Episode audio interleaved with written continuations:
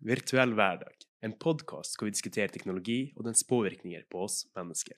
Temaet varierer fra det cutting edge tekniske til business og det samfunnsrelaterte. Alle episodene er naturlige samtaler, hvor vi verken forbereder spørsmål til gjestene eller klipper bort de tåpelige tingene jeg sier. Mitt navn er Serge Pedersen, og velkommen til denne episoden av Virtuell hverdag.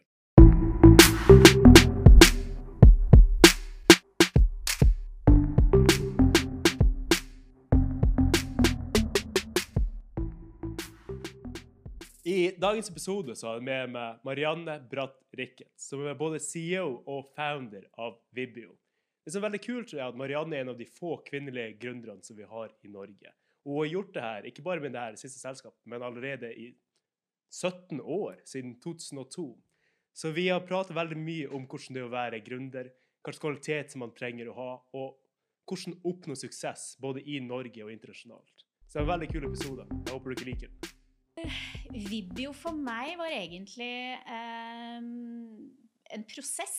Jeg eh, er grafisk designer eh, egentlig. eh, men har jobbet med veldig mye forskjellig. Ja, så, det, det har jeg i bånn.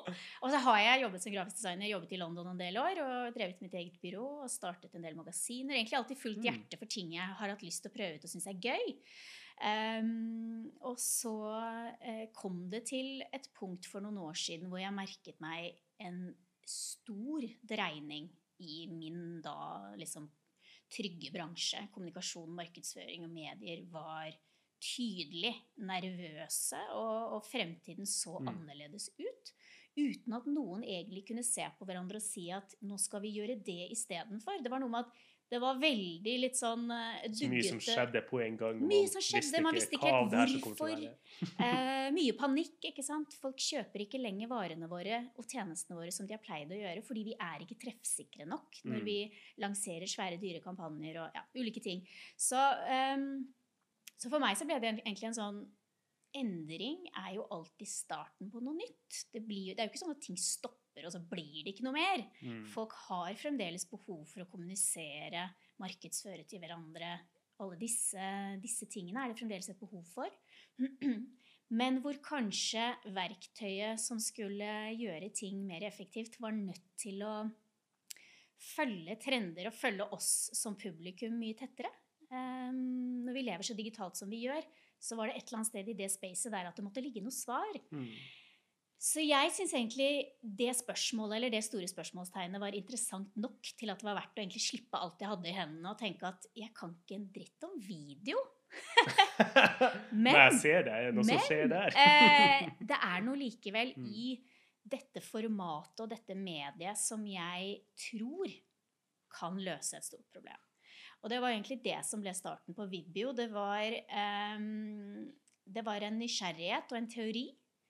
Eh, teorien var såpass enkel som at vi lever så digitalt som vi gjør. Vi har lite tid. Derav må det være mer effektive måter å kunne overføre kommunikasjon mellom oss Mm. eh, i et eh, online space. Hvor vi kanskje i løpet av ganske korte øyeblikk klarer å engasjere, lære bort, vise frem, gjøre Og der har jo video Det kunne til og med jeg se. video har en egen evne til å engasjere, og vi henger med hvis ting er gjort eh, tilrettelagt på en god måte. Og så tenker jeg liksom matchet opp med det med hvordan våre seermønstre har utviklet seg. Vi er blitt ekstremt glad i å ta til oss underholdning episodebasert. Mm. Så tenkte jeg her igjen, dette går sikkert an å mikse og matche med dette videoformatet og dele opp større temaer i mange små, eh, mindre episoder. Eh, og enkle eh, liksom forståelser som at vi leser video. Det var ikke jeg klar over før jeg begynte å liksom dype Hva du mener med leser video? Video, eh, når det virkelig treffer oss, og vi engasjeres av det, er veldig ofte avhengig av at det skjer noe tekstbasert i innholdet. Mye Mm. av det er faktisk fundamentert i så enkelt som at måten vi ser ting på mange av de sosiale mediekanalene, gjør at ting autospiller for oss. Så vi har, blitt, vi har tillagt oss en vane som tilsier at vi lytter ikke, vi ser. På Og det er klart at noe som er stille og har et ansikt som forsøker å si noe, har ingen reell effekt. Mm. Derav så begynner tekst å spille inn som en veldig viktig faktor. Og også eh, i i episoder som har ganske mye innhold, så er det noe med å forsterke og minne oss på hovedpunktene i å repetere de i små, korte tekstbolker. Dette er litt testet. at Ser du noe over et minutt, det kan være du syns det er veldig spennende, men um, dersom det er vektet inn noen hovedpoeng for deg underveis, noen knagger, så er det stor sjanse for at du vil huske i hvert fall én av de. Mm. Så det er, liksom, det er jo gjort mye research. Jeg brukte masse tid på å nøste masse i all denne researchen for å kunne sitte igjen med noe jeg kunne kalle for et smart videoformat. Så det Vibio begynte å selge i starten, var jo egentlig smartvideo. Som Ok. var Som betyr Det betyr smart kan jo egentlig være ganske mye i vår dette ja, ja. Eh, En video er og blir smart når den faktisk eh, mestrer en eh, oppgave du har gitt den videoen som mål. Eh, og det være å engasjere et gitt publikum. Eh, og treffe godt i den kanalen du har tenkt å publisere. Mm. Da skal du vite noe om hvor lang bør videoen være her, hvilket format skal den være i. Um, med og uten lyd. Uh, gjennomtekstet, tekstplakater, intro, utro. Så liksom det Så tilpassa til det du skal Ja. treffe. ja, og det er, egentlig, det er egentlig snakk om pakketering. Det å Mm. pakke innhold på en smart måte som gjør det mer treffsikkert for mot, at mottaker vil engasjere seg av den. Da har en video faktisk blitt til et verktøy. Og det var hele ideen bak eh, Vibio, var å muliggjøre tilgang på noe som tidligere har vært forbeholdt eksperter. Video er noe som bringer masse eh, tanker rundt kompleksitet hos de aller Mm. fleste. Um, men det å klare å gjøre den øvelsen til litt mer allemannseie, fjerne det komplekse, men muliggjøre at vi får lov å velge basert på kanal, basert på eh, ønsket innhold i tekstform, og det å fargelegge innholdet med riktig støttemateriell og vårt eget brand, så får du tilbake en smart video. Absolutt. Jeg tror du sier der er veldig, veldig riktig. For i hvert fall når jeg sjøl tenker på video og videoredigering, Mm. så er det veldig omfattende, veldig teknisk vanskelig, og noe som du vet du kommer til å sitte lenge med. Ja. Bare når jeg redigerer de podkastene, så trenger jeg et par dager til Ja, bare å ja, mane ja, meg ja. opp og bare tenke OK, vi må jo sette ned og bare gjøre det her. Men det er absolutt det er liksom, ikke liksom, noe som er man forventer at eh, det, er mye, det er mye kunnskap som går inn i det, og naturlig nok så er det fremdeles en hav av ulike filmatiske opplevelser og andre typer videoer som trenger dedikerte ekspertøyne og andre typer verktøy eh, med seg. Men det er mer den day-to-day-bruken av video som et verktøy for å kommunisere mellom kolleger internt i en organisasjon, eh, bedrive enkel onboarding og kursing. Eh, og Mm. også disse små påfyllene av enkle videoer som kan gå ut i sosiale medier og bli trekkplasterne mellom større kampanjer etc. så, så det er egentlig Jeg tror eh, når vi nå vet veldig mye mer om hvordan vi engasjerer publikum, som også er oss selv og hverandre som kolleger, så er det viktig at det skapes verktøy som gjør at vi også blir eksperter på det, uten å måtte gå og ta et, et nytt løp på skolen. Mm. Eller. En ny mastergrad Ja, bare innenfor ja, videoredigering. Ikke sant? Og det er der teknologi begynner å bli en spennende og morsom muliggjører. Ved at du Mm. kan rett og slett plugge deg inn med en ny skill. Eh, og gjøres det på en intuitiv måte hvor du gjennom at du bruker og lærer verktøyet å kjenne, Mm. så mestrer du den eh, skillen mer og mer, og det fostrer masse ny inspirasjon og nye ideer. Og så blir det som en sånn gøyal ball som begynner å rulle. Og jeg syns jo det er noe av det morsomste vi ser, og som har vært et mål i dette, er gleden det er for folk å mestre noe de ikke trodde at de egentlig kunne få til. Eller også antallet mennesker jeg møter som selv ikke tenker på seg selv som kreative. Fordi det har aldri vært en mulighet man har hatt i en jo jobb. for stor barriere til Ja, ikke sant? Må jeg ikke kunne ditten og datten Mm. og ha tatt den og den bacheloren eller, eller jobbet i kreativ industri? Nei, ikke nødvendigvis, og i hvert fall ikke til, til alt. Eh, og learning by doing er en fantastisk og høyst nødvendig Mm. ny innstilling i livet, liksom. Og det, det, er jo, det er jo det man får muligheten til å gjøre når man bygger et seg selskap òg. Er jo liksom sånn finne opp disse tingene litt på nytt. Um, og se på, se på livene vi lever og verden vi lever i, og faktisk um, begynne å utfordre oss selv til ting kan helt sikkert gjøres mer nå. Mm. Uh, I samspill med de endringene vi står i. Um, og skills og det å hele tiden ta til seg og lære nye ting, det, det er en viktig, viktig del av livene våre. Ikke Absolutt. bare i kombinasjon med skolegang lenger. Ja, jeg tror også det er veldig viktig som du sier, for entreprenør å gjøre det samme. For jeg, Ja. jeg tror veldig mange tenker at når du starter en bedrift, så må du ha den grand ideen med en gang klar. Ja. Men det er ikke det. Et levende organism som utvikler seg sammen med markedet, og som du forstår mer og mer, så tenker du OK, kanskje om jeg gjør det her, eller om jeg gjør det her. Ja, Tester det fram. jeg er jo dønn ærlig på at jeg kan ikke si, og det skal jeg aldri late som heller, at jeg visste eh, en gang det første året hva faktisk Vibio skulle bli. Jeg hadde disse ideene og disse teoriene og måtte ut og syreteste det og jobbe masse Mm. med det. Um, og det å begynne en gang å tenke nå skal vi lage teknologi Jeg er jo ikke tech-person. Um, masse barrierer og, og alle mulige gode grunner til at det ikke skal gå. Men som igjen, eh, ved å lære og ved å teste og eksperimentere med ting, så bygger man jo eh, nye skills Ja, absolutt. gjennom det. Amazon i starten var jo bare bokhandel på nett. Ja. Det er absolutt ikke det per dags dato. Nei. Nei, ikke sant. Eh, og den innstillingen at eh, det aller meste faktisk er mulig, det, det tviholder jeg på med rent sånn stahet i hverdagen Mm. fremdeles. At det er sånn Ja, jeg tror øh, Jeg ærlig innrømmer at vi har hatt en del sånne må ned i bakken med et kne innimellom og hente oss selv inn litt, og har nødvendigvis sett at vi har tatt litt feil beslutninger og, og stuntet litt mye på visse ting. Men, um, men at det likevel er høyst nødvendig, for hvis ikke så vet du ikke hva som er feil beslutning. mm. Du er nødt Fordi til å pingle litt mellom ja og nei.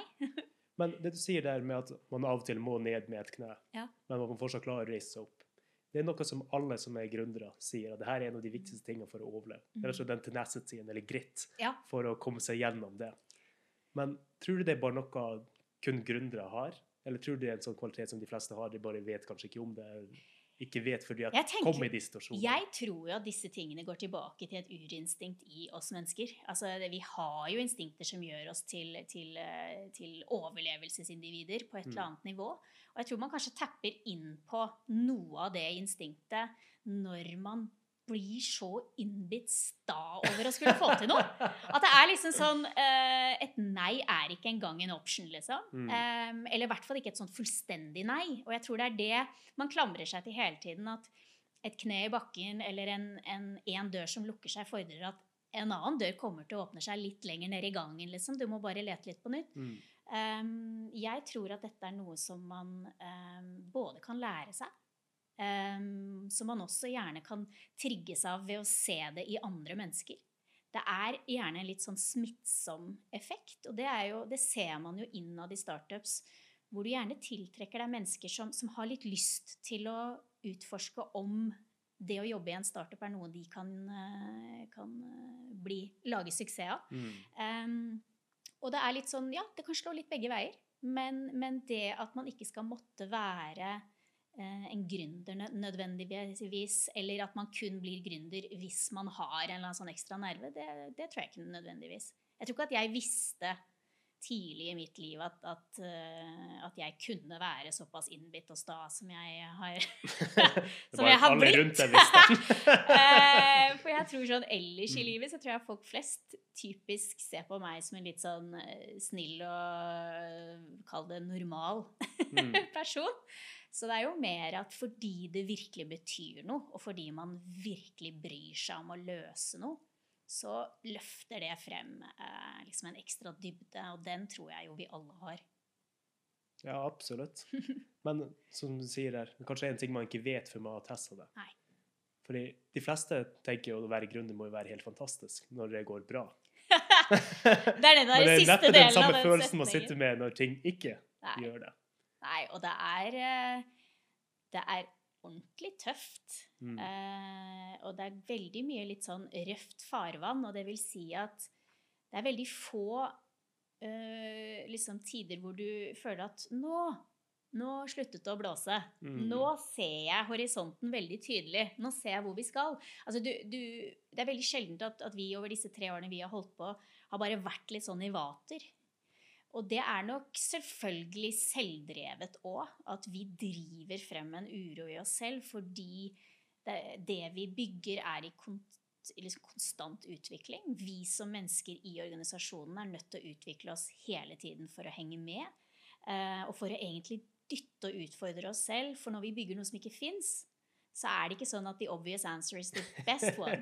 Fordi du vet faktisk ikke, og du må være komf med at det er masse uro, eksperimentering og knær i bakken og sånn Mm. som skal til for at du har utfordret nok til at det du kommer opp med, faktisk er innovativt. Eh, og de Og innovativt som treffer markedet også. Ja. Det er veldig viktig. Vi hadde veldig mange gode selskaper som Ja. hadde fantastiske produkter, som har gått ned i bakken. Ja, og det ligger jo masse læring. Jeg tror for mange av oss som har, som har vært gründere liksom, og gründet ulike ting, så, så er veldig ofte den reisen vi i fellesskap kan se tilbake på, absolutt ikke full av kun suksesser. Men, eh, men jeg tror jo det er en, eh, det er en viktig del av eh, det å bygge en, en reise som kan bli til suksess på et tidspunkt, er jo faktisk det at man, at man lærer Mm. eh, og er villig til å lære. Og derav er veldig mange som snakker om det eh, som å være villig til å feile, men jeg syns man skal ikke bruke ordet feile så mye, fordi det er heller det å lære som er ekstremt viktig. Du skal ikke er fokus på å feile, du skal på fokus på å lære noe av Mm. det som skjer, på godt og vondt. Fordi man bør, eller man bør ikke feile, man bør ikke gå inn for å feile. Nei, Det som er veldig viktig, som du sier, er at man lærer av det. Så Nei. man ikke feiler på samme måte flere ganger. nettopp. nettopp. Og det tror jeg det er en veldig viktig forskjell. Mm. For om du gjør nøyaktig samme hver eneste gang og feiler og feiler og feiler, Da, da, da er det stor sjanse! Da blir det nok ikke det. Yep. Nei da. Nei, men, eh, men jeg tror det er, det er veldig karakterbyggende, men det er også noe ekstremt ydmykt eh, som man skal være klar over. Og jeg tror det er, det er viktig å aldri bli eh, altfor selvsikker, altfor skråsikker. Mm. Um, og jeg kjenner litt på det nesten daglig, er den derre ydmykheten i forhold til eh, både jobben jeg har påtatt meg, eh, menneskene jeg har et ansvar for å bære med meg i dette. Eh, og, og det er selvfølgelig stor fallhøyde, og det er absolutt mulighet for at på et tidspunkt så kan det fremdeles skje at det ikke går. Mm. Eh, men å likevel klare å trigge en følelse av innbitt stahet og, og den derre Jo, men for bare jeg skal. Mm. Eh, og dette er mulig, og, og det vi gjør, det, det gir så mye mening. Og igjen tilbake til de, eh, de, den herlige responsen når vi klarer å eh, gjøre det vi skal, og få produktet vårt til å virkelig eh, by på endring og by på mestring eh, hos andre mennesker, så, så er jo alt det som er tøft og vondt i Mm, hverdagen, er glemt glemt. med en gang. Så du kan sammenligne det litt sånn med barnefødsel. Det er sånn Mm. fint at du på vei inn i et gründerskap og et entreprenørløp nødvendigvis ikke vet helt hva som kommer. Men så er det noe med at du kommer jo ut av alt. Det er jo en ende på alt. Eh, og så glemmer du fort, og så husker du det gode, og så jogger du videre. så så Nei da. Det er jo Det er eh, skikkelig crazy days. Det er også jeg også hørt, at når man er en gründer, så har man egentlig bare to moduser. Det ene er når du føler ekstase at ting går fantastisk. Det andre er sorg og panikk når ting går Ja. andre vei. Det er Ja. ingenting imellom de to. Nei, det tror jeg jeg kan kjenne meg veldig igjen i det. Og man blir, man blir faktisk veldig vant til å flikke konstant mellom de to Mm. eh, sinnsstemningene. Og, og jeg tror ingen av oss med hånden på hjertet kan si at vi noensinne egentlig igjen er innenfor noen slags komfortsone. Eh, men at det likevel er hele poenget. da. Du skal ikke lene deg tilbake og tenke at dette var veldig komfortabelt. Mm. Nå er jeg helt fornøyd, ferdig, done, dusted. eh, takk og farvel. Eh, at det er liksom den, den, den litt ekstatiske, paniske, forvirrete sinnstilstanden som man ofte er i, den, eh, den, den trigger en masse adrenalin. Eh, og, og, og gleden av å få lov å samle rundt seg litt lignende mennesker, eller også klare å trigge i andre mennesker eh, lysten på å få til det litt umulige, det, det er utrolig gøy. Og hvis denne reisen skulle bunne ut i at det har vært en reise men som har en slutt, men så sitter man igjen med og har levd gjennom det, så er det uansett verdt det, liksom. Ja, absolutt. Og jeg tror uansett i løpet av et liv så angrer man mer på de ting man ikke har prøvd, enn på de ting man har gjort og feila. Ja, det har jeg båret med meg litt sånn alltid. Og jeg tenker, jeg, jeg sa til meg selv ganske tidlig i arbeidslivet at jeg tror jeg er dømt til å bli en av verdens verste ansatte. Det var liksom bare sånn det Så var bare meldte bare- ut fra den for ikke å bli det? Og det var ikke sånn at jeg ble sparka masse, eller noe sånt. Det var ikke noe sånt. Det var bare jeg var ikke den personen som ble trigget eller superengasjert av å bare bli gitt en jobb. Mm. Det var liksom ikke meningsfylt nok. Det var greit, men det måtte da finnes noe mer. Så for meg så har det vært hele tiden sånn Klarer jeg å dytte mine egne grenser, men hele tiden i retning av noe som jeg syns er meningsfylt? Gjerne en eller annen passion jeg har. Om det er innenfor sport eller design eller, eller nå kommunikasjon, så tenker jeg eh, litt tilbake til at du skal aldri se tilbake på et liv hvor du har tenkt at åh, tenk om jeg bare kunne jobbe med eller utforske noe som jeg virkelig brenner for. Så jeg skal i hvert fall aldri ha noe ugjort, tenker Mm. jeg. Så um, Jeg tror det er veldig viktig det du sier der. For jeg, jeg tror ikke du var den eneste som mis- mistrivdes i å bare være på arbeidsplassen og gjøre en type jobb som du ikke liker. nei, Men veldig mange tar ikke det, det steget til å bli en entreprenør eller handle på de nei, ting man brenner for. nei. For det Og, er ikke, tungt, det er og det jeg tror ikke nødvendigvis at man skal hele tiden gå rundt og føle at uh, jeg skal måtte ha lyst på noe mer. Mm. Fordi vi alle er heldigvis veldig forskjellige. Men de av oss som har det i oss, da, så tenker jeg at eh, bedre å ha prøvd det, og eventuelt fått motbevist tanken. Eh, men igjen, hva om? Hva om det bare ble en helt fantastisk meningsfylt reise i seg selv? Da? Absolutt. Men det er ikke så mange kvinnelige entreprenører ute, spesielt ikke her i Norge. Nei. Hvorfor tror du det er sånn? Jeg tenker litt um, Jeg tror jeg på meg selv i en alder av liksom, Nå er jeg over 40. Jeg kommer fra en generasjon hvor jeg vokste opp med hjemmeværende mor. Det tror jeg veldig mange av mine venninner og mitt miljø gjorde. Mm. Eh, det ble ikke snakket frem så mye rundt eh, karrierer og kvinner. Eller det var ikke så mye frontpersoner heller, nødvendigvis i miljøet rundt oss.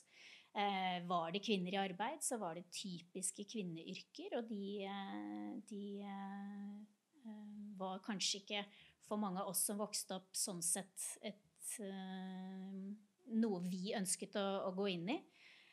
Så gjennom skolegang, gjennom miljø, gjennom Mm. det man vokser opp med, så blir man sakte, men sikkert fort eh, formet til å falle inn i mønstre som eksisterer. Eh, og det er veldig mye av mitt miljø og min gruppe rundt meg har jo typisk endt opp i eh, yrker som er typisk kvinnetunge. Det er mye HR, og det er eh, markedsføring, og det er sykepleie, og det er jo fantastiske yrker som sådan, men ikke nødvendigvis hvor eh, hvor man har blitt trigget til å gå ut og prøve noe helt nytt, eller gå utenfor en komfortsone. Fordi kvinner er ment å være trygghetsskapende og, og er sett på som trygghetssøkende samtidig. Så det er noe i den derre moderlige rollen som vi, eh, som vi både settes i, men som vi også egentlig lever litt opp til, for vi ønsker å være trygge, solide, gode rollemodeller. Og det utrygge og uvisse som ligger innenfor alt med entreprenørskap, å hoppe ut i noe alene, det er klart at det matcher ikke nødvendigvis helt med det man kanskje ser som et ideal. Um, men jeg tror jo jeg tror jo mer på at generasjoner som kommer etter meg, og de som vokser opp nå, eh, er ikke så farget av um, nødvendigvis Burde i hvert fall ikke være. Av de samme, de samme rollemønstrene. Liksom, eh, så jeg håper jo gjennom at nå fins det utrolig mange flere muligheter, og dukket opp så mange utrolig spennende studieløp. Mm. Og man blir utfordret på eh, entreprenørskap tidlig i skolegangen etc. Så jeg vil jo tro at det skal naturlig medføre at man bryter ned en del av de litt sånn påførte rollemønstrene som har vært. Um, men eh, jeg kan jo på, med hånden på hjertet si at jeg, jeg ser jo at vi er, ikke, vi er ikke sidestilt. Det er ikke like mange av oss. Eh, om det går på at vi som kvinner er annerledes, helt sikkert. Menn og kvinner er ikke helt like. Vi er ikke helt like skrudd sammen. Og det skal vi heller ikke forsøke å være, tenker Mm. jeg. Eh, men det er noe med å gi seg selv lov. Det å ikke måtte være verken perfekt eller slik som mamma håpet, eller alle de tingene som vi som kvinner ofte Vi skal være litt for flinke, da. Eh, og det uttrykket matcher også veldig dårlig med det. Det er absolutt. Skal du være perfeksjonist samtidig som du skal ta risiko og lage noe som ikke finnes allerede? Ja. Det er ikke nødvendigvis det du vokser opp med å få av forslag og tips fra dine foreldre anyways. Det føles kanskje for mange som såpass spekulativt at det matcher dårlig med, med, med hva man skal føle som komfort og, og, og, og være en trygg og solid karrierevei. Um, men det at det dukker opp flere gode rollemodeller, tror jeg er ekstremt viktig. Mm. Uh, det at vi på godt og vondt deler helheten av hva som inngår i det å, å velge å bygge et selskap fra scratch. Eh, og vekter eh, nettopp det tøffe med det gode. Slik at vi ikke setter noen glansbilder på det, for det tror jeg likevel ikke at man helt tror på. Og det heller er absolutt ikke sånn som hverdagen er. Men å vekte inn de viktige delene av hvorfor det er verdt det som er så karakterbyggende, og uansett om denne eh, tingen man endte opp med å bygge, ble det man drev med hele livet, eller det fikk en brå slutt, så tror jeg å ha det som en del av en karriere anyways, vil være ekstremt um, viktig for kvinner å, å, å gjøre mer av. Det bygger solide lederegenskaper, Mm. og man utfordrer deler ved seg selv som man ikke så lett gjør eh, på mer tradisjonelle måter. Ja, og det der er også helt riktig. Og det er en av de tingene som vi starter å se mer i arbeidslivet også. At når man er en entreprenør og prøver seg ut på den veien der, så betyr ikke man totalt utelukker en karriere. Nei. Man kan alltid snu tilbake om det er det som skal til. Ja. Og som oftest blir veldig verdsatt. For når du er entreprenør, som du sa, at du starter som interaksjonsdesigner, men når man er en entreprenør, så gjør man alt. Ja, det er Det er bare sånn man må, man må lære seg det som skal til for å få jobben gjort. Ja. Og det gjør at man får, man får virkelig prøvd seg selv og får testet alle nivåer av kreativ tenkning og, Mm. og utfordre og påført masse nye skills, nettopp fordi man er bare nødt til å løse problemer. Eh, og det, det igjen går så hånd i hånd med fremtidens måte å bygge karriere på, slik vi ser det som mindre sannsynlig at vi alle skal gå femårsløp og bli til noe som vi alltid skal være. Mm. Som skal Det være de neste 40-50 år, årene Nei. og bare gjør nøyaktig samme. Det er ikke fremtidens arbeidsliv, da. Det er tuftet på det å bygge personlige skills, menneskelige skills, som går Mm. på kreativitet og problemløsning. Og, og, og jeg tror du kan ikke være et mer egnet sted for å virkelig få prøvd deg ut og bygget de skillsene enn i et, uh, et startup-landskap. Altså. Det, Mm. det Og selv når man er så on the edge og utvikler helt nye ting, Ja. så selv om man feiler på det, kanskje, så er det noe som blir relevant de neste fire-fem årene. Ja, ikke sant? Og det at det hele tiden er i bevegelse. Så det man startet med å skulle Mm. løse, er ikke nødvendigvis det man ender opp med litt lenger ned i gata med faktisk å løse. For det er jo denne det er dette bevegelige bildet som gjør det ekstra interessant. Og du må hele tiden resjekke med deg selv at du har fingrene på rett puls. Absolutt. Og at markedet og kunden og muligheten fremdeles er midt i kikkertsiktet, eller om noe i landskapet har beveget seg. Sannsynligheten er det beveger seg hele. Så Og når man starter med sånne ting der, så viser i hvert fall mye av statistikken at det har ikke så mye med en god eller dårlig idé. Veldig mye av det har med timing å gjøre. Å være på riktig sted til riktig tid. Helt riktig. Jeg tror timing er essensielt. Og så er det også den der timing opp mot det at man da ikke skal ta det for gitt at eh, muligheten og tidsrommet er eh, noe som helst slags evig Da har jeg liksom I've checked that box. Nå er jeg der. The moment is mine. Mm. Og, og, og slik vil det fortsette. Uh, det at man fremdeles kontinuerlig må avsjekke med at man fremdeles har muligheten mellom hendene. Og, og det er det som er farlig når man går ned i liksom dypt sånn uh, og, bygger produkter som er veldig te tekniske. Og, og, og gå litt opp og sjekker inn med markedet litt for sjeldent, Mm. så kan du bygge deg helt ferdig mens markedet har beveget seg i motsatt retning. ikke sant? De tingene der. Og det, det er sånn vi har også måttet lære. at Så mye av det som vi fundamenterte våre første liksom, produktsatsinger rundt, som at vi skulle, liksom, vi skulle eie dette gylne øyeblikket som tidlig ble eh, bevist å være maks et minutt langt. Eh, innenfor åtte-ti måneder, så ved nye målinger, så var det vinduet blitt 22 sekunder, gitt. Så hvis vi hadde bygget et produkt i to år da, som skulle eie minuttet, Mm.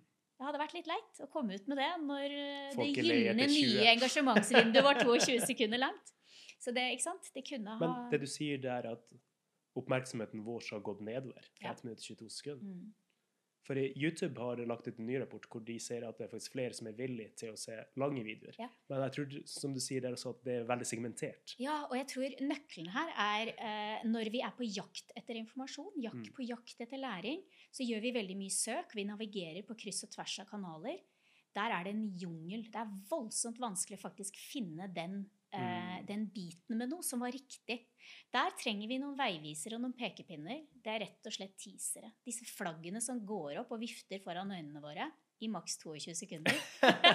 som beviser noe for oss. Dette lille øyeblikket har verdi for meg. Ja, det temaet har jeg lyst til å lære. Da kan vi godt dedikere en dag for den saks skyld til å se en hel serie med lengre videoer på det temaet. Det er kjempeinteressant det du sier, for jeg, tror på det der 100 Mm. Vi blir mye mer kritiske til hva vi ser. For før i tiden så fikk du kanskje bare to, tre, fire kanaler å se på, og du så det som de sendte. Om det Ja. var Tune Halfman eller hva enn. Så var du bare vant til å bare se gjennom det og akseptere sånn som det er. Men nå når vi har startet å være på YouTube og Google og alle Mm. online kanaler, så er vi mye mer kritiske til ok, denne informasjonen jeg trenger, er det er noe jeg har lyst til å lese, bruke min tid på? Nei, videre. Og der igjen så kommer du tilbake til det, hvorfor vi sier at noe trenger å være smart. Ikke sant? Det, det trenger å være smart for å gjøre en jobb. Og hvis Mm. jobben er å trigge det publikummet som virkelig ønsker å følge YouTube-kanalen med det topicet som kjerne, eller bli med til en nettside og dedikere seg til community fordi det passer veldig godt for dem, det er jo nøkkelen hele tiden. Hvordan skal du på en smart og troverdig, effektiv måte få tak i disse menneskene og forflytte de dit hvor de faktisk ønsker å være?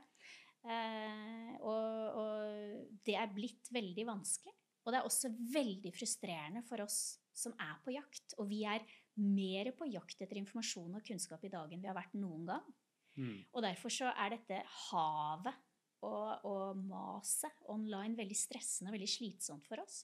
Og det betyr at de mønstrene for hvor vi oppholder oss, heller ikke er jevne. For vi frustreres, flytter på oss, prøver oss et annet sted. Nei, funka ikke det heller. Og det betyr at eh, mye av jobben vår er å kontinuerlig følge med på trender, på hvor publikum er, hvor er det mest interesse rundt ulik tematikk. Da tenker du på plattformer? Ja. Mye på plattformer. Eh, Facebook har endret seg mye. Mm. Eh, takket være at LinkedIn kom et stund etter med video, så har de dratt veldig mye av den gruppen som man ty typisk eh, annonserte for på Facebook. De er ikke lenger der like mye. Eh, Instagram trigger veldig mange flere av oss, for vi har fått en Mm. opplevelse at vi er veldig visuelt drevet. Eh, så til og med der gjøres det business i mye større grad enn man ville ha gjettet seg til. Så det er noe med å faktisk eh, muliggjøre eh, gjennom eksempelvis den teknologien vi bygger, at vi, vi bygger inn en guidance basert på de jevnlige endrede mønstrene i seeratferd, eh, publikum, eh, oppførsel, og gir deg rett og slett instrumentene for å kunne skape innhold på de stedene hvor sannsynligvis ditt publikum vil være, Mm. Basert på hvordan mønsteret er der. Og dere samler også inn informasjon så dere forstår Mm. der? Mm. Ja, det er konstant analyse. Mye analyse. Og det er klart, det der bildet er kontinuerlig i endring. Og så er det klart, Mm. vi, vi jobber ikke kun med eh, et eh, marketing-salg-segment. Vi jobber også 50-50 med eh, hva skjer internt i store organisasjoner. Hvor vi er fremdeles det samme publikummet. Vi trigges like spesifikt kort. Det er vanskelig å få andre i en organisasjon til å sette av tid til å se, lese lange ting som kommer på intranettet. Det er vanskelig å få folk til å dedikere. Jeg tror folk har en egen sånn innboksdel for Ja. det som er spam. Jo, men ikke sant? Og det er, jo, det er jo ikke fordi vi er uinteresserte, men det er fordi det er så mye som skal ha Mm. øynene våre på seg til enhver tid, at det kan hende at det kapitlet som lå nederst i den intranettoppdateringen, som kunne vært gull verdt for deg å vite at hadde kommet ut, den gikk deg hus forbi. Så hvis den informasjonen heller hadde kommet til deg i en øyeblikks liten teaser, så hadde du visst at du måtte se på den. Så har du Absolutt. mange muligheter der for å virkelig begynne å få til eh, effektiv overføring av eh, riktig øyne på riktig sted, og kommunikasjon mennesker imellom internt også. Så det er jo egentlig bare det, For oss er det kommunikasjon. Det at video i dag er det mest effektive verktøyet, det, det er nå.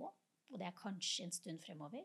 Og så vil det bli noe annet. Så for oss er denne Mm. reisen her litt sånn Den har begynt, og vi vet ikke hvordan det ser ut om fem år. Tenker du at video passer til det meste? Så kan du transformere all form for kommunikasjon? I dag har vi funnet at det er svært få ting vi ikke ser at kan løses både mer effektivt Mm. for den som skal lage noen form for kommunikasjon, og den som skal motta det. Veldig få ting som ikke kan løses ved video. Ehm, det som er gøy å se, er at eh, hos oss så skjer det til stadighet at kunder ender opp med å lage video av ting vi ennå ikke har rukket å fortelle dem at de kanskje skal vurdere å bruke video til. Og det er jo gøy, for da har de liksom dyttet enda mer utover våre grenser. Altså Vi Mm. har rukket å på en måte lage en masse sånne caser. Og så kan du lage det, og så kan du lage det, og så kan du lage det. Og plutselig så kommer de opp og sier de, vet du hva, vi laget video til det, eller? Det var kjempegøy. Og så får jeg men Kan vi legge Mm. til det i vår liste òg? Så det er jo noe med Dette er jo en reise og en utforsking. Eh, men det korte svaret er egentlig vi har faktisk eh, som jeg vet, ikke klart å finne et typisk eksempel hvor bare sånn Nei, det kunne du ikke gjort med video. Mm. Det hadde ikke funka. Eh, for eh, enkle ting som alle de presentasjonene som lages hver dag hele tiden Vi alle skal Jeg må bare lage en keynote. Jeg må bare lage en powerpoint. Og så er du i gang, da. Og da er det opp med den, og den der faste liksom skal pløye gjennom og dele opp, lage slidesene, få informasjonen sortert. Og så må du finne noen bilder, da, og det er jo kjempekjedelig. Hvor er bildene? Hvem har bildene? Og så er du i gang. Tar masse tid. For den stakkars mottakeren som enten skal få denne tilsendt, eller skal sitte i rommet og bli tatt gjennom dette her, Mm. så ser vi for oss minutter og timer gå. Eh, sannsynligheten er du kunne fått over de der key takeawaysene dine. Det ville tatt deg fem minutter å lage. Det ville tatt ett minutt å motta det. Og så var alle veldig mye mer happy. Det Så jeg er liksom lettere å konsumere også. Ja, Jeg tenker jo det. Eh, Så kan du heller, Er det en svær greie, så brekker du det ned i fem episoder, og så kan du velge selv når du har tid til å se Mm. det. Og så er jo alle igjen mer happy. Så det er liksom sånn, det er jo en all round liksom sånn, Det er ment Det er mange kule ting vi kan gjøre som effektiviserer og, og gjør arbeidslivet morsommere, spenstigere, mer oppdatert. Absolutt. En av de tingene som jeg sjøl har startet å bruke video veldig mye til i det siste, er til å filme support på IT. Ja. Istedenfor å forklare folk hvordan Ja. du skal gjøre noe over Mm. telefon Mm. eller e-poster som går fram og tilbake i to uker Ja. til å løse noe. Så sier jeg OK, gi meg fem minutter, så går jeg gjennom prosessen, filmer det, sender jeg dem linken, så bare Her, gjør det her. Nøyaktig. Mennesker er visuelt drevete. Mm. Vi er også apekatter. Så det vi ser og visualiserer og blir vist, det kan vi faktisk ape etter og mer eller mindre gjøre identisk. Det kan man bare se med hvordan man lærer seg sport etc. Jeg har jo vært skilærer, så det å lære barn eksempelvis å stå på ski, det gjør du ikke gjennom å forklare dem inngående, detaljert, Mm. informasjonsbasert hva de skal gjøre. Du kjører foran dem, og så gjør du det du skal gjøre, og så aper de etter, og så vips kan de ploge. Altså det er liksom sånn, det er jo, dette går også på instinkter. Så det er ganske obvious når du faktisk får det forklart. Men det er, dette med bevegelse og dette med visualisering, det trigger jo veldig mye av oss med en gang. Så det, det er litt sånn takknemlig, rett og slett. Mm. Mm. Det er kjempegøy. Og det er sikkert derfor også hvorfor Vibbu har vokst ganske mye i løpet av den siste tiden. Ja. Dere er jo blitt 14-15 år? Ja, det har vi. Eh, og det er jo Jeg syns jo det er kjempeutfordrende. Jeg sa det på veien her bare å, Selv om jeg, jeg elsker mennesker, og, og jeg kan miste meg selv i bare å bruke så mye tid på å bable med mennesker, for det syns jeg er så utrolig givende. Eh, men samtidig det å klare å oppdra og skape en, eh, en eh, organisasjon som er solid og riktig satt sammen for å ta oss inn i en fremtid som er relativt hårete. Mm. Eh, det er komplisert. Det krever også mye prøving og feiling. Eh, vi har ikke klart å få til det riktig med en gang. Eh, dessverre, og det ligger mye læring i både eh, for mennesker som tror at de virkelig kommer til å elske å være i en startup, og selvfølgelig få muligheten til å finne ut om det passer eller ikke. Noen ganger så gjør det ikke det. Det er for, det er for utrygt. Men så får vi de andre da, som syns at det er det er jo det som er hele poenget. Mm. Eh, og lykken av å klare å samle en del av de og, og, og få i gang en sånn motor hvor egentlig alt føles litt eh, crazy, men eh, mulig, eh, det er kjempegøy. De dagene er liksom helt uoversiktlige. Det er sånn eh, delvis ordnet kaos hele tiden. Eh, men jobben nå er jo selvfølgelig å, å rigge oss for å få sakte, men sikkert Også i en startup må vi ha struktur. Eh, kaoset må ha visse ordnete forhold likevel. Hvis ikke er det bare kaos. som Ja, vi må ha igjen. noen knagger. Vi må vite Vi må kjenne våre metrics. Altså, vi må Mm. lære oss språket. Vi må lære oss eh, fag. Og det er et fag å bygge organisasjon. Eh, så for meg så er dette liksom Den læringskurven er fortsatt temmelig vertikal, men, Mm. Men ordentlig morsomt. Så vi har jo ja, vi har vært gjennom mange faser. Vi, vi har uh, iterert over ideene våre og teknologien vår uh, kontinuerlig. Uh, vi har vært heldige nok til å treffe godt på timing, ja. Men også at vi har identifisert et faktisk veldig ekte problem. Video, ja, det er gøy. Det kan vi alle være enige om. Men det at video kan være en skikkelig problemløser, da, gitt at flere bør få det eh, mellom fingrene, eh, og dermed begynne å kunne kommunisere og, og få åpnet opp en masse, masse kommunikasjonsflyt som sitter, eh, sitter litt på tverke, det, det er kjempespennende. Vi har, eh, vi har flere kunder som virkelig løper fort. De bruker Mm. Vibio hver eneste dag, og det er jo lykkefølelse. Virkelig. Så, så nå skal vi jo Vi føler jo fremdeles at vi egentlig kanskje sånn bare har tatt en, et, et trinn eller to på en forholdsvis lang stige. Eh, men det at vi likevel er et par trinn opp, det, det tar vi som en huge win. Og så må vi innimellom liksom sånn litt ned en halv, og så opp igjen. Men, eh, men nå har vi liksom tatt sikte av oss å, bygge oss eh, og om ikke ut av Norge, for jeg vil, vil alltid ha den der stolte følelsen av at vi er et norsk selskap, og vi Mm. skal alltid ha et fundament med, med et hovedkontor i, i Norge. Så, så som software så må vi også uh, virkeliggjøre en, en vekst og um, ikke minst få et fundament som en internasjonal um, Bli med i en internasjonal setting som har mange software-selskaper i seg. Der tror jo, mener jo jeg at Vibio har en, eh, en naturlig plass. Så jobben nå blir jo å, å virkelig synliggjøre oss selv i en større arena og, og få, eh, få det kundegrunnlaget som vi har her, eh, flere steder og lenger ute i verden. Mm, tror jeg. Så, mm. Er det noen konkurransefordeler da med å være fra Norge? Vet du hva? Det fikk vi faktisk bekreftet at det er. Det er det. Og det var litt kult.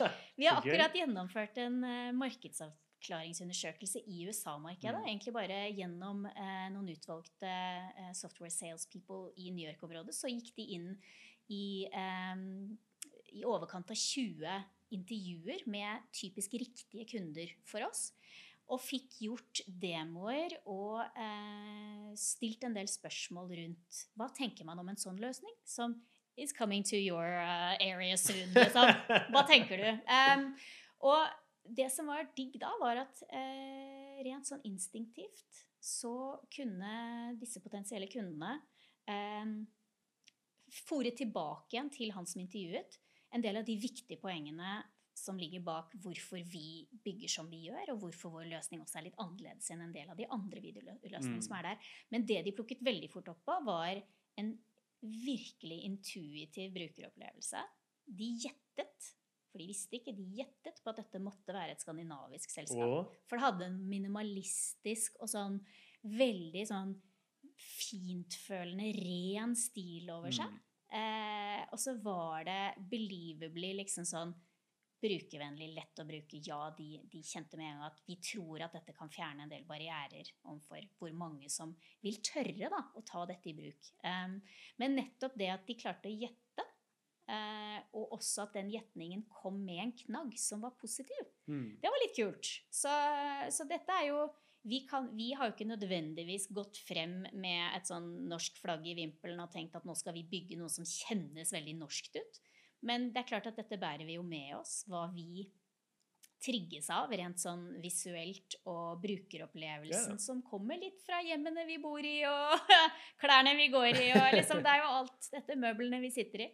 Så, så jeg tenker det, det, kommer også et, eh, et litt sånn viktig eh, poeng rundt eh, det at vi er ansett for å være til å stole på. Mm.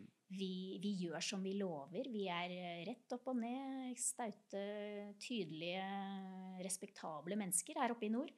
Eh, og i miljøer eksempelvis som i USA, så tror jeg det, det, vekter veldig positivt i en verden som har så mye applikasjoner og teknologi og ting og tang som man skal eh, ta stilling til. Så, så, tror jeg det er i hvert fall ikke noe negativt. Mm. Mm. Fordi med norske selskap så får du det du ser. Ja. Basically. Og det er rett og slett det som oppleves. At det er rent og rett opp og ned, og det mm. gjør det det skal gjøre, og det bare funker, og det er enkelt og greit. Det er ikke masse lag av kompleksitet og trengs ikke masse forklaringer nødvendigvis. Det vil selvfølgelig variere i forhold til hva slags software man bygger. men, eh, men, eh, men, som nasjon er vi også ikke så flinke til å skryte av oss. Nei. Den janteloven og alt det som går inn under det. Nei. Så det vi sier, det er faktisk ja. det vi leverer. Og gjerne litt sånn at vi vil at arbeidet vårt skal tale ja. for oss. Vi tar mm. et lite steg tilbake og håper at det er godt nok. Liksom sånn. eh, og det, det, det, det, overføres sikkert litt gjennom det vi gjør, mm. og sånn som vi gjør det. Ja, det tror jeg absolutt. Ja. En av de ting som jeg også syns er veldig kult med deres selskap, er det du sa til meg før vi startet podkasten, med at dere er 70 kvinner ja. i et startup-selskap. Det er ganske imponerende. Ja. Innenfor tech-bransjen i tillegg. Ja, det er jo litt sånn pussig. Og jeg, eh, jeg, har jo egentlig aldri tidligere eh, jobbet med så mye kvinner. Mm. Um, så for meg har det ikke vært sånn at når jeg startet Vibio, så gjorde jeg det med en tanke om at nå skal jeg ansette masse damer og bygge et sånn kvinneselskap. Uh, men um, Men er det noe dere har hatt fokus på, nei, eller er det bare skjedd av seg sjøl? Det som har vært interessant å oppleve, var um, ganske tidlig så var jeg veldig mye ute og snakket og synliggjorde og hadde behov for å bli godt kjent med startup-verden og liksom bygge min egen mm. kompetanse rundt det. Um, og jeg ble ofte eh, tatt til side, eller det kom folk opp for å snakke med meg i etterkant. Og det var veldig ofte kvinner. Eh, som var veldig nysgjerrig på liksom, eh, hva jeg skulle, hvorfor jeg turte, hva jeg tenkte. masse sånn. Så jeg merket at de var liksom litt ute etter å avsjekke med seg selv. Er vi litt sånn like? Eh, og noen av disse profilene har jo faktisk i etterkant søkt på jobber, blitt ansatt i Vibio det at det liksom føltes litt som at jeg åpnet en dør, mm. om det var litt på gløtt, eller at jeg bare durte åpen en dør og gikk inn og sa 'dette skal jeg'. Eh, så at flere var sånn 'Kan jeg få være med?' Dette hørtes spennende ut. Eh, kanskje man eh, klarte å identifisere seg selv litt i meg på et eller annet vis. Så det gjorde at de stillingene som ble utlyst, og de gangene hvor jeg aktivt var på jakt, så var det absolutt overvekt av kvinner som søkte. Men det var også veldig ofte de aller, aller mest solide profilene var også mm. kvinner. Mm. For jeg har ikke sittet og favorisert eller valgt eller hatt noen som helst agenda rundt dette. Det har alltid vært viktig for meg å identifisere de riktige profilene. Hva slags persona er det? Hva slags skills trenger jeg? Um, og det at det veldig ofte har matchet med en kvinnelig profil, det, det, jeg har jo også vært litt sånn uh, Hva kan det egentlig komme av? Og flere av de, når du spør dem, så sier de jo selv at det å for en gangs skyld, uh, i det feltet de kommer fra, da, få lov å jobbe under en sterk kvinnelig profil, mm. det var noe de savnet og hadde lyst til å prøve ut. Så det, my, mye av det har hatt litt med det å gjøre. Litt sånn kanskje rollemodell, kanskje få lov å prøve ut noe man ikke hadde gjort før. Eh, noen av de som har kommet til oss som er kvinner fra tech, men som alltid har jobbet under menn i tech. Plutselig så åpnet deg øynet de en mulighet for å prøve noe annet. Mm. Um, kanskje noe man har hatt lyst til å, å, å teste ut. Um, så vi har jo eh, Det høres nesten ille ut, men i visse stillinger så har vi nesten måttet vurdere å kvotere inn menn.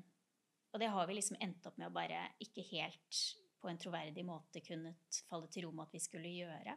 Men vi har jo heldigvis ansett menn nå. Ansatt menn òg, så det er jo ikke sånn at Vibio skal, Vibio skal på ingen måte noensinne kun være kvinner eh, eller kun norske eller kun noe som helst. Det er jo alltid i miksen av profiler. Eh, Det er av det styrken kommer også, da, av mangfold.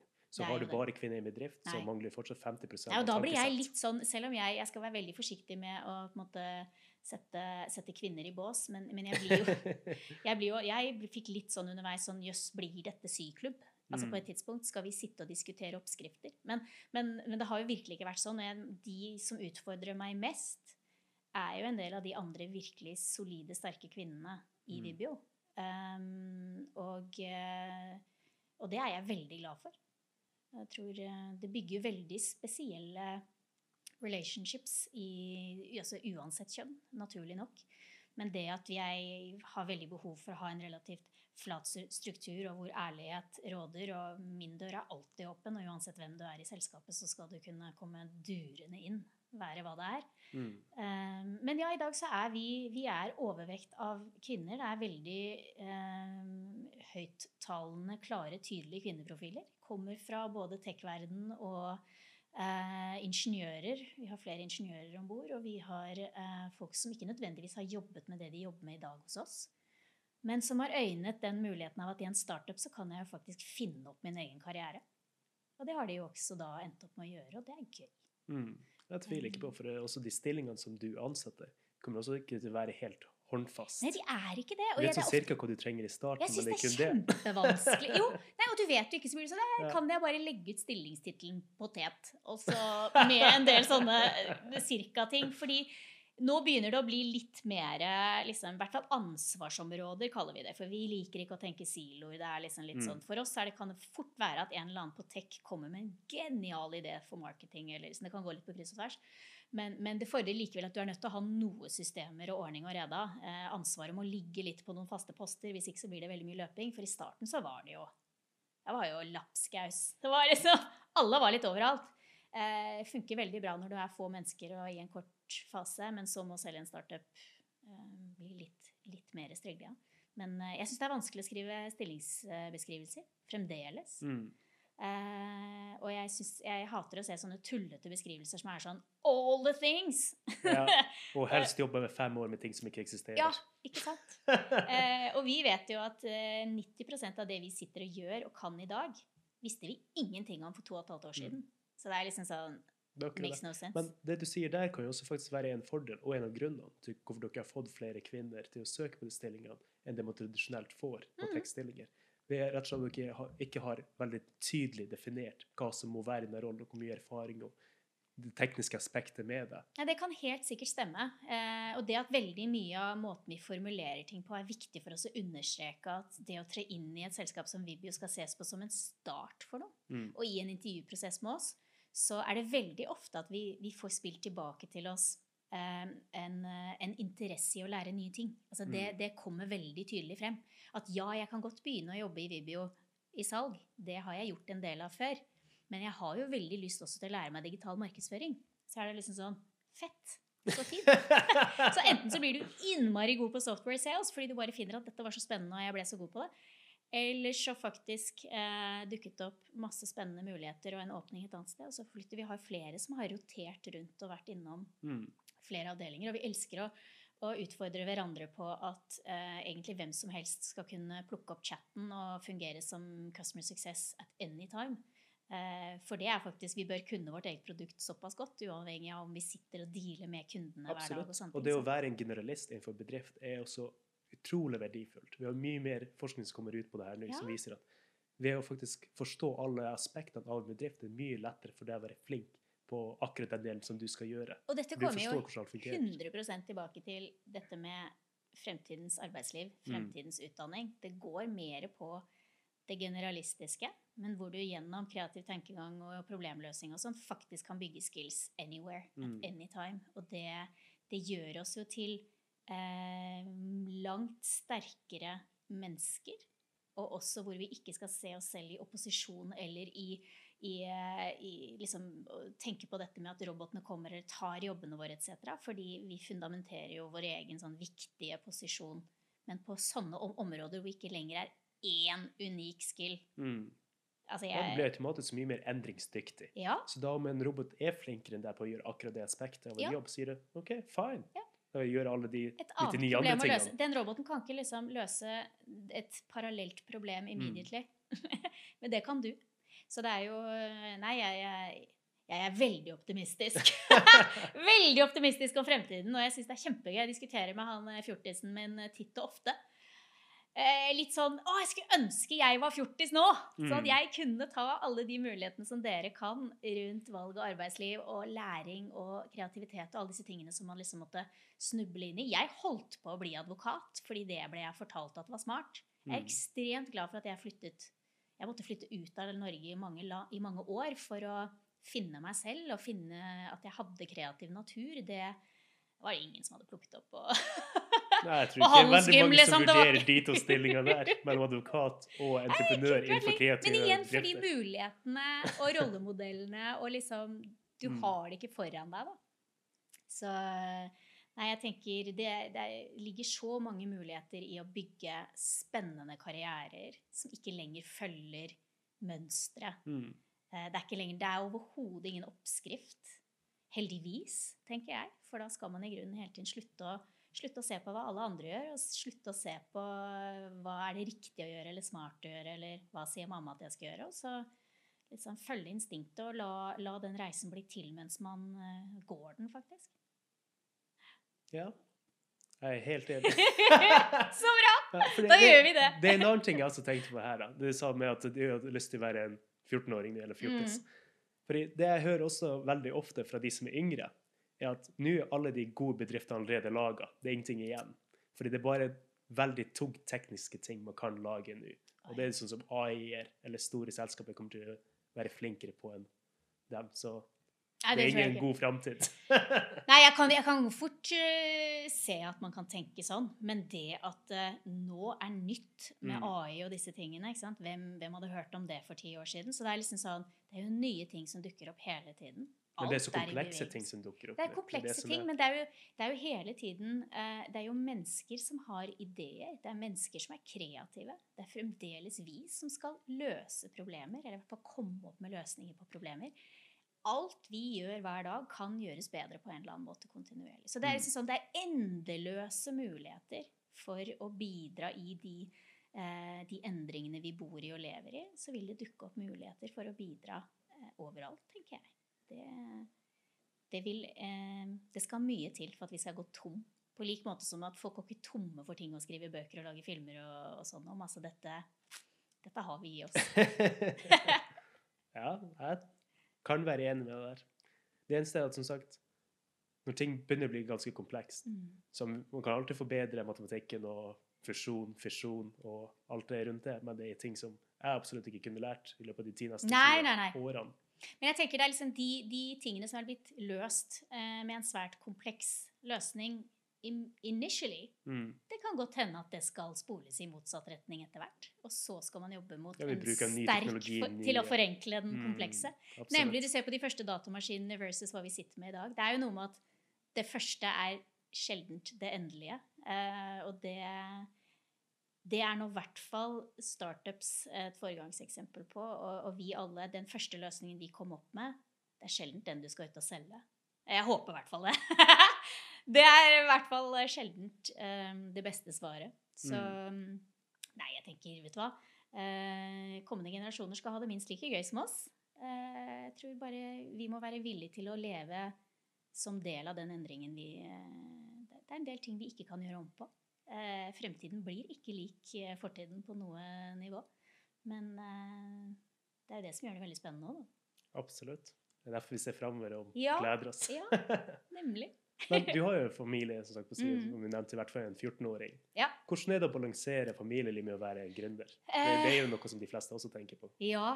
Vet du hva, jeg ehm, Jeg har to gutter på 11 og 14, og de har alltid, så lenge de har levd, hatt en mamma som har vært gründer. Mm. Og de har også, stakkars, en pappa som er gründer. Så, så de, de to kjenner ikke eh, en sånn type, skal man kalle det en A4-hverdag. Det er en sterk forenkling. De aller fleste jobber veldig hardt og har ikke veldig eh, enkle hverdager overhodet. Så det er ikke noe sånn at det å være entreprenør og gründer er så fryktelig annerledes, egentlig. Mm. Men det er klart, man jobber kanskje litt mer. Eh, eller jobber på en litt annen måte. Har litt mindre oversiktlige eh, dager. Horisonten er ikke så lang. Men eh, selv om jeg er veldig sånn kreativ og veldig glad i alt som ikke er altfor rigid, så har jeg nettopp gjennom at familien min er som den er, og mannen min også bygger, har bygget egne selskaper alltid, vært avhengig av gode rutiner. Så fra Jeg fikk begge, begge mine to barn mens mannen min og jeg bygget opp en kjede med skiskoler i Alpene. Eh, Eldstemann var eh, Jeg ble gravid med han første året vi startet opp. Det var jo helt perfekt timing.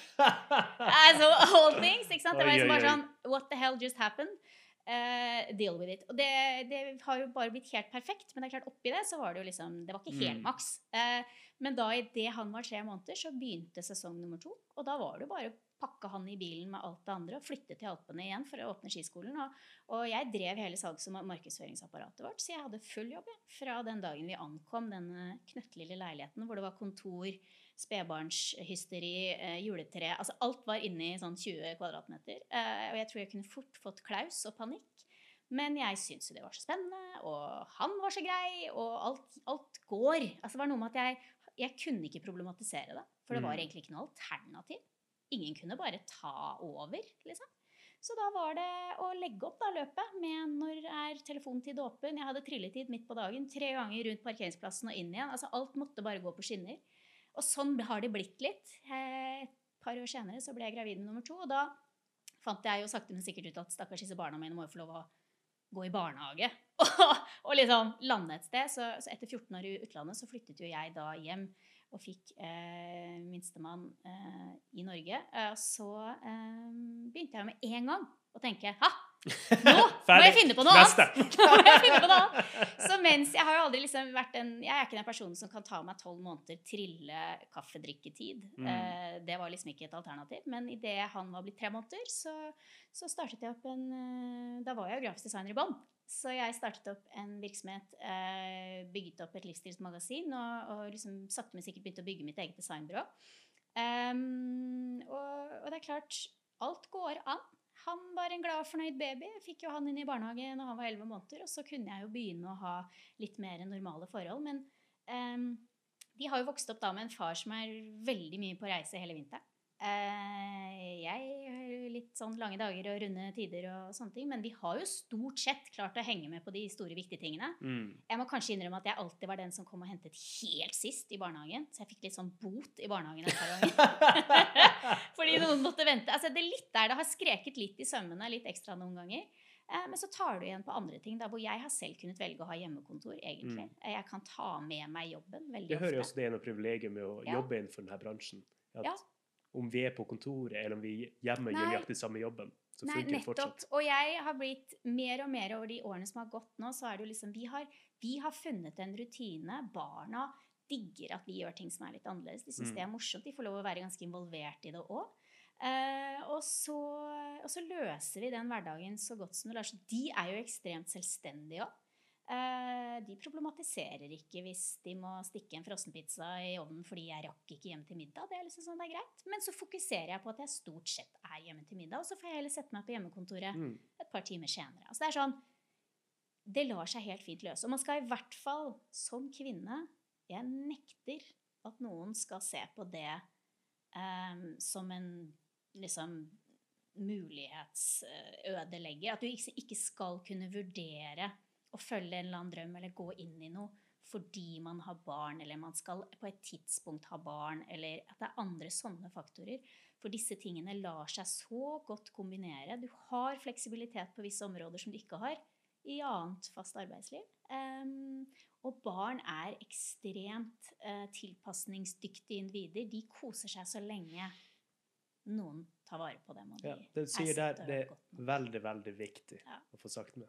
For det handler ikke om kvantitet av tid. Nei. Det handler om kvalitet. Helt Om du er en jobb som du hater, og du kommer hjem etter det, hvor mye energi og glede kan du spre rundt din familie? Nei, jeg tror, det jeg, jeg, jeg tror det er viktig, og jeg tror liksom Jeg er den første Jeg har vært litt sånn ekstra vokal på å rope dette litt ekstra høyt.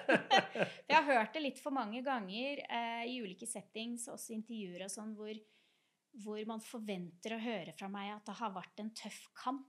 Mm. Så Kunne jeg valgt igjen, hadde jeg aldri gjort ja, det her. Nei, ikke sant? Og jeg kan med hånden på hjertet si at det har det virkelig ikke. Mm. Jeg har kost meg i hjel, og jeg har fått lov å dele med barna mine masse av disse unike opplevelsene. Og, eh, og sitter igjen egentlig med, med barn som selv får lyst til å utfordre seg Mm. selv og gjøre mye, mye forskjellig. Så jeg tenker at dette er bare Igjen, det er en, det er en stor mulighet. Det er en, en litt annen hverdag, men den er, eh, den er ikke noe verre enn noen annens. Eh, jeg tror på veldig mange måter så er den absolutt vel så god som de beste. Mm. Så eh, jeg trives kjempegodt, og jeg tror, eh, jeg tror også, eller fra alt jeg kan se, så gjør hele familien det òg. Så vel verdt det. De som da vurderer å bli gründere, Mm. de fleste tenker jo OK, jeg vet ikke om jeg tør å gjøre det her 100% Er det mulig å bare ta og gjøre det 20 Eller tenker du at du må hoppe fullt inn? For det her er, hvordan da med det at du sa når du flytta Mm. og bodde i en 20 kvadrats Mm. leilighet, så var det ingen andre som kunne gjort jobben. Du måtte bare klare det. var Nei, det altså de gangene, de, de tingene jeg har gjort, så har jeg valgt å tenke at eh, skal jeg virkelig gi dette den sjansen Mm, jeg mener det fortjener, så må jeg gi alt. Og jeg må være villig til å gjøre alt. Altså når vi flyttet fra trygge jobber i London, både mannen min og jeg, vi eh, bodde rett utenfor London og hadde et fullt, normalt liv, sånn sett fra utsiden. Eh, hadde lyst til å utfordre oss selv og starte skiskole i Alpene. Alle syntes vi var helt gale, skjønner jeg godt.